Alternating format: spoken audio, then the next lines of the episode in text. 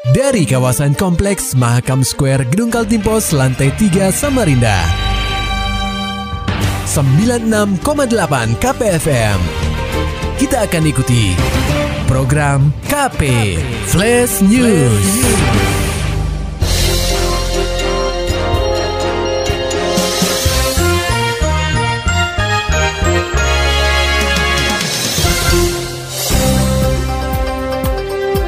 Pendengar KP, sosialisasi tentang kepatuhan terhadap protokol kesehatan mulai gencar dilakukan. Tidak hanya di tempat keramaian, aparat gabungan dari Polresta Samarinda, Kodim 0901 Samarinda, dan Satpol PP Provinsi Kaltim tampak memberikan edukasi kepada pengendara yang melintas di ruas jalan protokol kota tepian. Contohnya saja seperti yang dilakukan aparat gabungan di Jalan Awanglong, Kecamatan Samarinda Kota, Kamis 3 September 2020 Berbagai poster himbauan pun ditunjukkan saat lampu lalu lintas menunjukkan warna merah tepat di persimpangan kantor pos Samarinda. Wakapolresta Samarinda AKBP Dedi Agustono mengatakan, poin penting dalam sosialisasi ini adalah penerapan gerakan 3M plus 1 kepada masyarakat, yaitu memakai masker, mencuci tangan, menjaga jarak, dan yang terpenting menghindari kerumunan. Hari ini ya kita gabungan dengan Satpol PP Provinsi dari Kodim kita melaksanakan edukasi kepada masyarakat ya terkait 3M plus 1 menggunakan masker, selalu menjaga jarak, selalu rajin mencuci tangan dan menghindari keramaian. Di sini kita sosialisasikan ya terkait dengan per, uh, Inpres nomor 6 tahun 2020 ya. Ya dan untuk menekan ya menekan per, pertumbuhan apa Covid khususnya di Kota Samarinda ini. Dedi menjelaskan sejauh ini pihaknya melihat tingginya angka penularan COVID-19 di kota tepian Bahkan Samarinda sudah masuk zona merah di mana total kasus yang terinfeksi COVID-19 sudah mencapai angka 1000 orang. Ya karena belakangan ini ya peningkatan di Kota Samarinda nih sangat signifikan. Ya kita sudah masuk ke zona merah ya. Ini kita yang kita lakukan adalah upaya ya, dari kita untuk menekan itu. Seperti itu. Saat pelaksanaan kegiatan masih ada saja beberapa pengendara yang tidak menggunakan masker. Meski begitu, aparat gabungan hanya menegur pengguna jalan tersebut dan memberikannya masker. Ya, ini dalam tahap sosialisasi juga. Ya, sosialisasi juga. Seperti itu. Untuk tindakan pendisiplinan sendiri hanya sebatas sosialisasi atau bagaimana? Kita masih sebatas sosialisasi. Hmm. Ya. Nah, ke depannya ke mana? Nah, itu nanti kita dengan Forkopinda, itu agak eh, ini masih pembahasan ya dengan Forkopinda. Nah, nanti akan kita sampaikan kepada masyarakat. Ya. Dedi menambahkan pihaknya akan gencar melakukan sosialisasi terkait aturan dari Pemkot Samarinda mengenai kepatuhan terhadap protokol kesehatan. Hal tersebut dilakukan agar mata rantai penyebaran COVID-19 dapat dihentikan. Pendengar KP Satpol PP Kaltim mulai gencar melakukan tahapan sosialisasi mengenai penerapan Pergub nomor 48 tahun 2020 tentang penerapan disiplin dan penegakan hukum protokol kesehatan.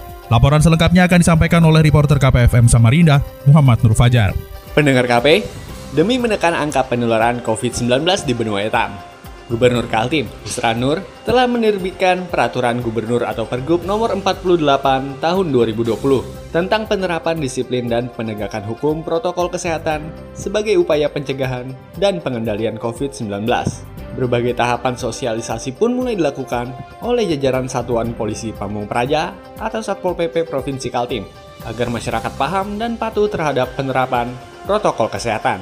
Hal tersebut diungkapkan langsung oleh Kepala Satpol PP Provinsi Kaltim, Gede Yusa, saat ditemui KPFM beberapa waktu yang lalu. Nah, kan pergub ini ada tahapan-tahapannya.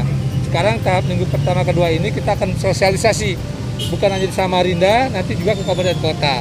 Nah, tujuannya adalah apa namanya rohnya pergub ini adalah ingin bagaimana meningkatkan kesadaran masyarakat untuk melaksanakan 4M itu karena ini yang paling tepat untuk menjaga imun kita ya imun secara manual mudah-mudahan dengan tertib menggunakan masker jaga jarak cuci tangan dan juga menghindari kerumunan mudah-mudahan penyebaran COVID di Samarinda khususnya bisa diminimalisir.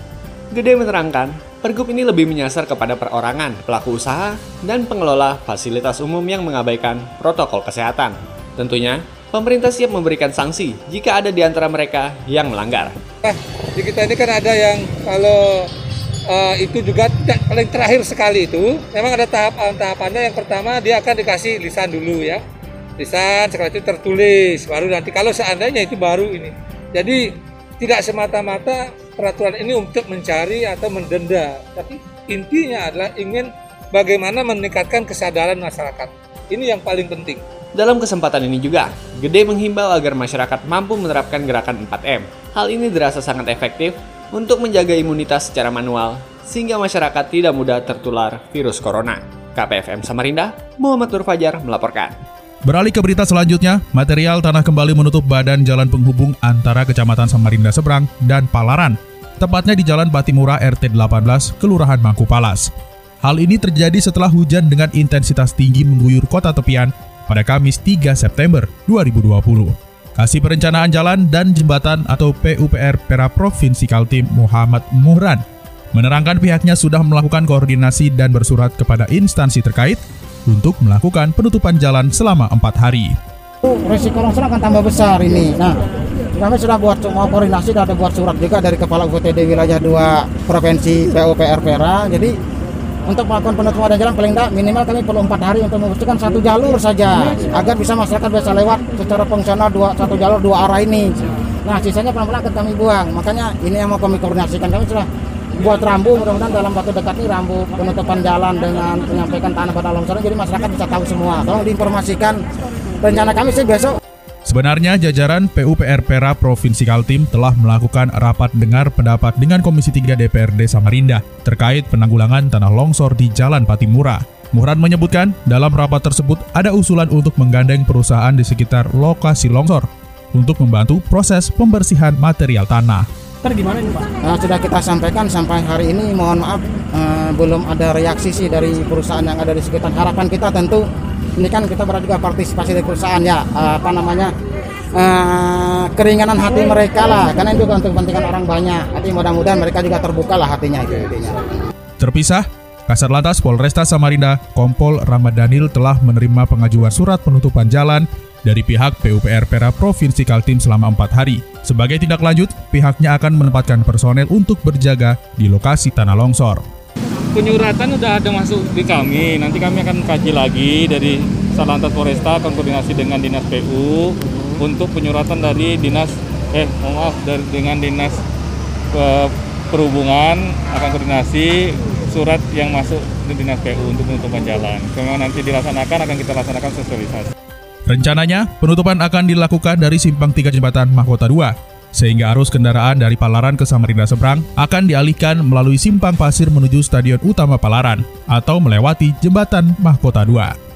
Pemprov Kaltim tambah dua alat PCR guna gandakan kapasitas. Laporannya disampaikan reporter KPFM Samarinda, Maulani Alamin. Pendengar KP, Pemprov Kaltim akan kembali menambah dua alat polymer chain reaction atau PCR yang biasa digunakan untuk menentukan positif atau negatif sampel dari virus corona.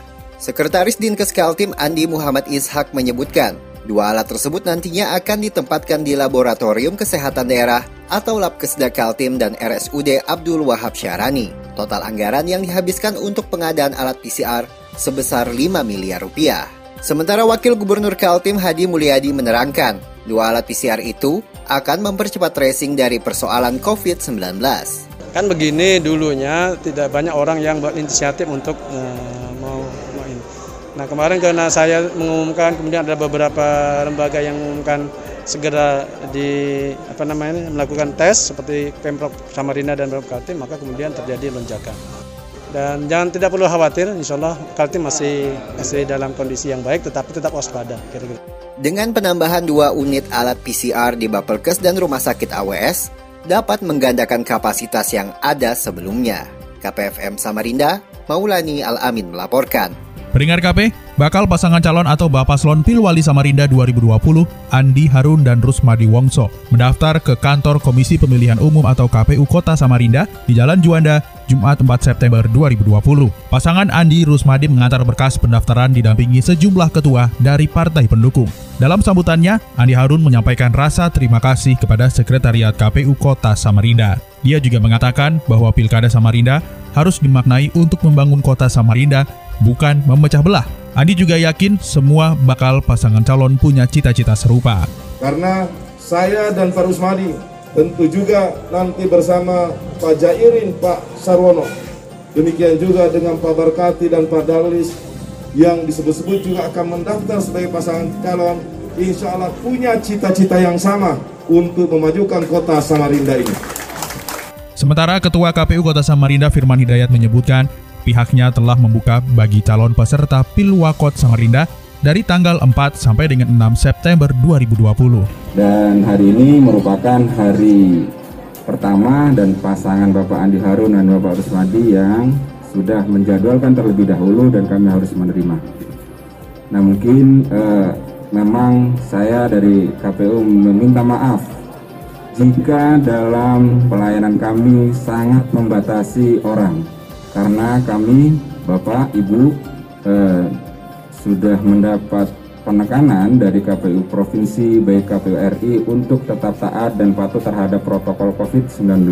Terlihat hanya ketua dan sekretaris parpol dari luar bakal calon yang bisa masuk melakukan registrasi di KPU Samarinda. Selain itu, untuk menjamin tidak terjadinya penularan COVID-19, berkas persyaratan pendaftaran pun tidak langsung diterima oleh ketua KPU. Berkas tersebut terlebih dulu diletakkan di sebuah meja transit yang kemudian disemprot cairan disinfektan sebelum akhirnya diambil oleh ketua KPU. Sementara dari dunia olahraga, latihan atlet layar Kaltim di Desa Tanjung Batu, Kecamatan Derawan, Kabupaten Berau harus dihentikan lantaran terdapat warga yang positif COVID-19 di kawasan itu. Ketua Pengprov Persatuan Olahraga Layar Seluruh Indonesia atau Porlasi Kaltim, Teddy Abai mengatakan, meski diliburkan selama sepekan, atlet tetap melaksanakan latihan fisik di rumah masing-masing. Orang Tanjung Batu, tapi klasternya klaster Tanjung Redep, Gang Jeruk. Jadi ah, ini ini Mas Andi. Jadi orang Tanjung Batu itu adalah guru SMK, mm-hmm. sekolah menengah kelautan khusus yang ada di Tanjung Batu yang gedungnya bagus itu loh. Iya. Yeah. Lah itu suami istri dia ikut kenduri di Tanjung Redep ini. Bubuhan guru juga mengundang di Gang Jeruk. Nah di Berau terkena sekarang klaster Gang Jeruk karena sudah ada beberapa keluarga yang terkonfirmasi transmisi lokal.